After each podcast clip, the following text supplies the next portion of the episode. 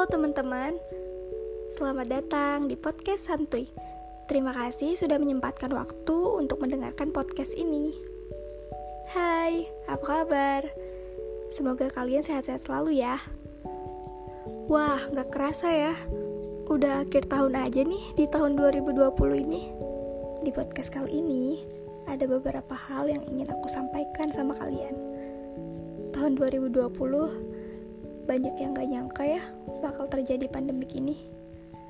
Entah aku doang yang ngerasa kalau di tahun 2020 ini terlalu banyak sedihnya. Kalau kalian ngerasa gitu juga gak sih? Kalau kalian ngerasa gitu juga, berarti kita sefrekuensi ya. Dari yang awalnya aku ngerasa baik-baik aja, hidup tenang, kuliah pas aku lagi di Bandung. Main sama teman di Bandung. Bahkan me time sendirian di kosan. Tapi sekarang karena adanya pandemi ini mengharuskan aku pulang ke Batam. Pulang ke rumahku yang nyaman ini dan mengharuskanku untuk kuliah secara daring dari awal pandemi ini muncul ke Indonesia jujur Aku ngerasa takut banget. Kenapa sih bisa sampai terjadi pandemi ini? Sampai mengharuskan semua orang di rumah aja. Gak boleh ke mana-mana. Mulai dari awal bulan Maret sampai ke Desember. Sampai sekarang. Pada saat awal-awal pandemi datang, semua sekolah, kampus, bahkan pekerja, semuanya itu diliburin semua belajar dari rumah, semua bekerja dari rumah. Awalnya pemerintah bilang kita harus dikarantina di rumah aja selama 14 hari. Ya awalnya santai-santai aja dong, atau cuma 14 hari kan. Eh, taunya karantinanya sampai sekarang gak kelar-kelar.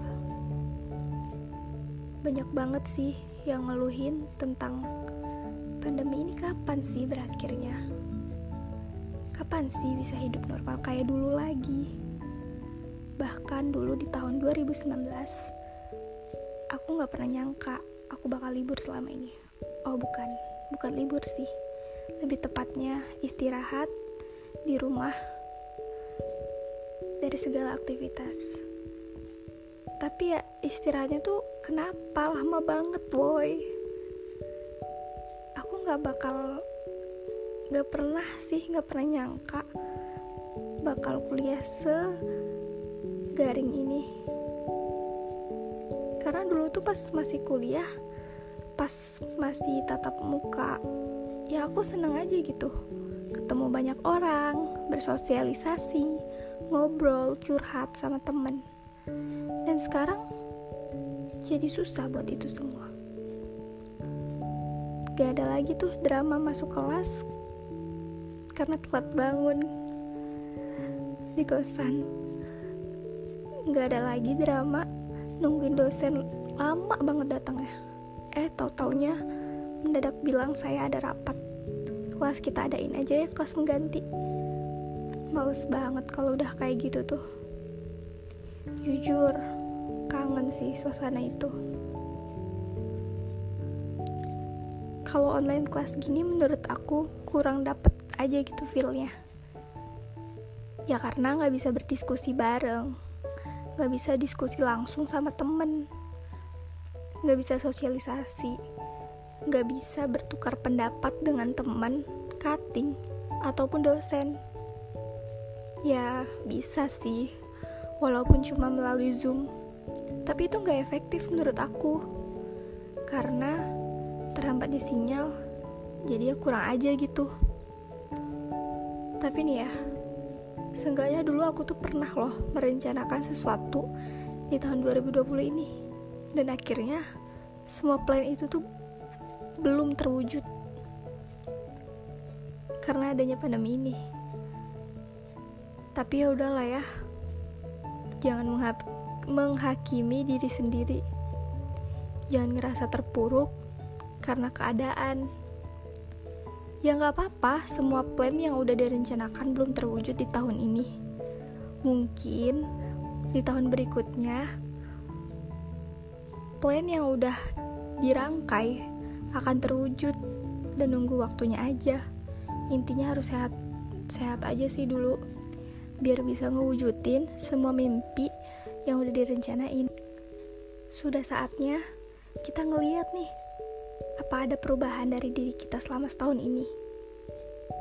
Well cuma diri kita aja yang bisa ngelihat kita udah berubah atau belum.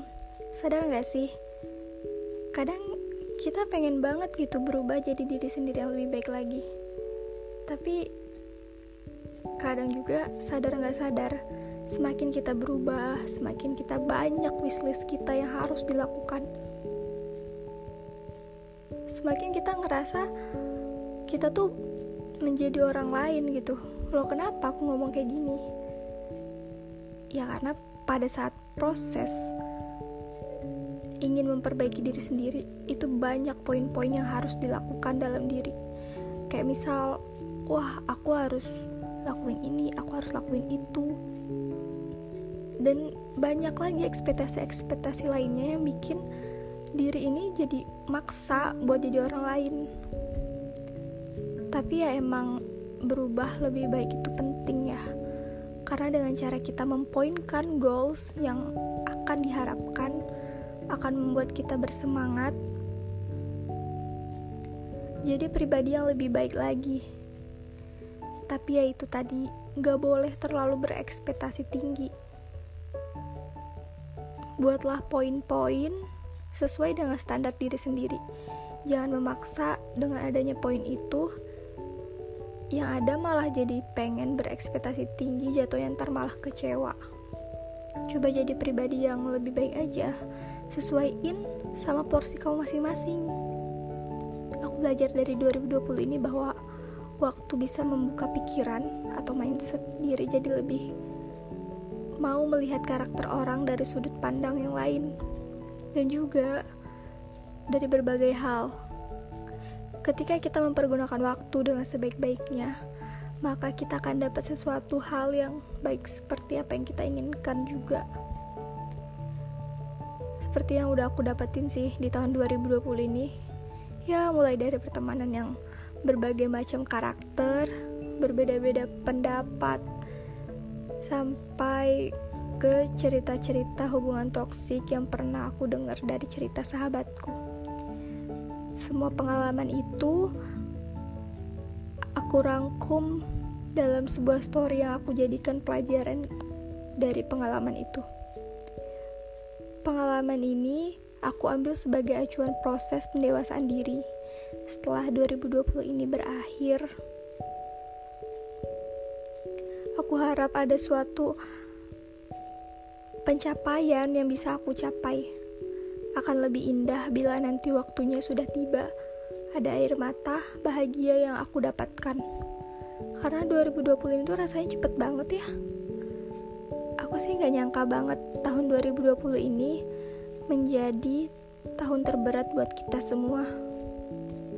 Tahun 2020 adalah tahun yang banyak ngajarin kita arti sabar. Tahun 2020 ngajarin kita cara menjadi seorang yang lebih tangguh lagi.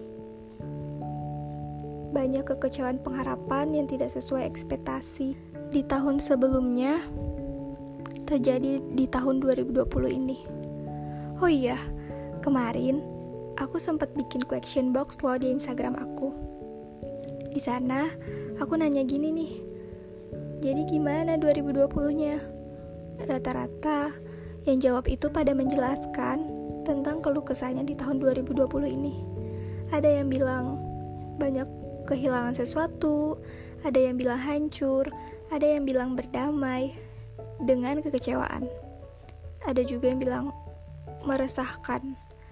Ada yang bilang menyedihkan, ada yang bilang berjalan seperti bajingan. Dan ada juga yang bilang rasanya mantap. Mau gimana pun itu, kita tetap harus bersemangat terus ya. Ngadepin tahun-tahun berikutnya dengan semangat karena ya cuma diri kita sendiri yang ngerasain bedanya di tahun ini atau tahun berikutnya akan happy ending atau enggak Cukup sekian aja ya podcast dari aku. Kalian tetap stay safe dan semangat.